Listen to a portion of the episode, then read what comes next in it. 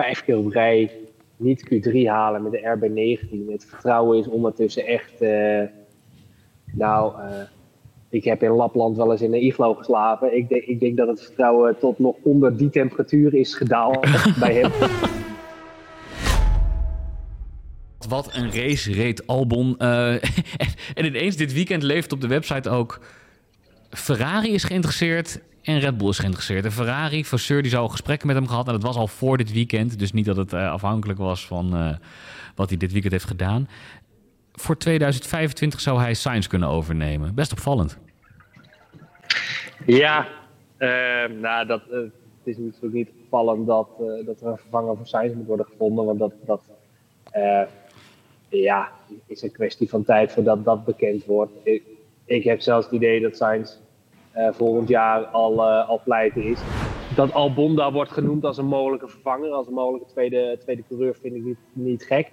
Albon doet het op dit moment natuurlijk uh, vrij goed, om het maar even zo te zeggen. Alleen, ik zie Albon eerder als tweede coureur naar Red Bull Racing.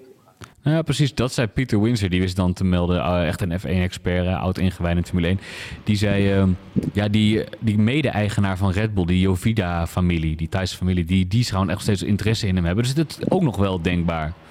Nou, dat is natuurlijk ook wel waarom uh, Albon in eerste instantie zoveel tijd kreeg. Kijk, Gasly werd na een half jaar eruit geknikkerd. En Albon kreeg anderhalf jaar de tijd, terwijl dat zijn prestaties nou niet heel veel beter waren.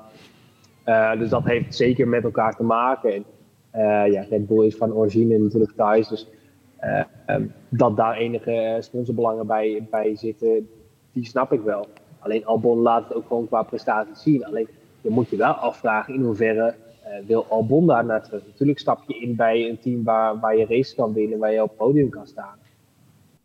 Maar hij zal altijd ondergeschikt zijn aan Verstappen. Weet je, hij, hij zit nu net lekker in zijn vel bij Williams. Is daar echt een man? Als je hem was en, en je hebt de ambitie om, om zelf een keer uh, leider te zijn van een team wat, wat eventueel wereldtitels kan gaan winnen. Kijk, dat is Williams niet. Laat me dat voorop stellen.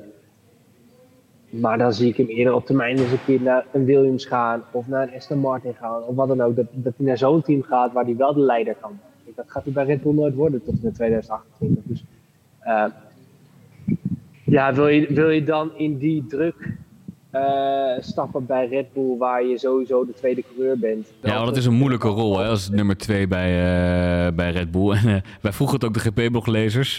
Red Bull moet Perez uit zijn leider verlossen. En daar was, werd massaal op gestemd, duizenden stemmers. En de 70% zegt ja, je moet, ze moeten Perez uit zijn leider verlossen bij Red Bull. 30% zei nee.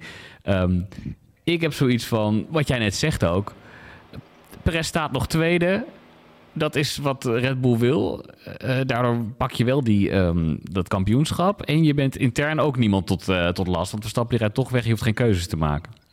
Ja, het, het, is, het is een lastige. Uh, kijk, vijf keer op rij niet Q3 halen met de RB19. Het vertrouwen is ondertussen echt... nou, ik heb in Lapland wel eens in een iglo geslapen. Ik denk, ik denk dat het vertrouwen tot nog onder die temperatuur is gedaald bij hem. Ehm, ja, het is. Um... Maar goed, kijk, weet je, je breekt zijn carrière ook als je, als je hem halverwege het seizoen eruit gooit. Ik denk ook niet dat dat per se nodig is, want uiteindelijk scoort hij nog wel gewoon de punten die nodig zijn om dat constructeurskampioen te worden. Alleen ik denk wel dat aan het eind van het jaar uh, misschien beide partijen wel tot de conclusie kunnen komen dat, dat het einde daar is. En, en dan gezien het, het tweede Ferrari zitten, uh, ik zie het wel als heel waarschijnlijk dat, dat, dat Sainz naar Audi vertrekt. En dat, dat Ferrari Perez binnenhaalt als, als tweede coureur. Afsluitend nog, uh, onder de comments van die, van die stelling, uh, Lessel 1, die trapte hem af. Die zegt, uh, zet, Hulkenberg, zet Hulkenberg maar in die Red Bull. Nou, en dat werd heel goed opgepakt door de lezers. En op een gegeven moment was er een soort... ja, iedereen was het over één. Dat is nog wel een hele goede tweede coureur. En die dacht, ja, die rijdt toch ook weer, weer lekker. Die is er tussenuit geweest. Als je het zegt over mindset, past hij daar misschien wel heel erg goed. Nee, ik, ik, weet niet in welke column dat van me is geweest.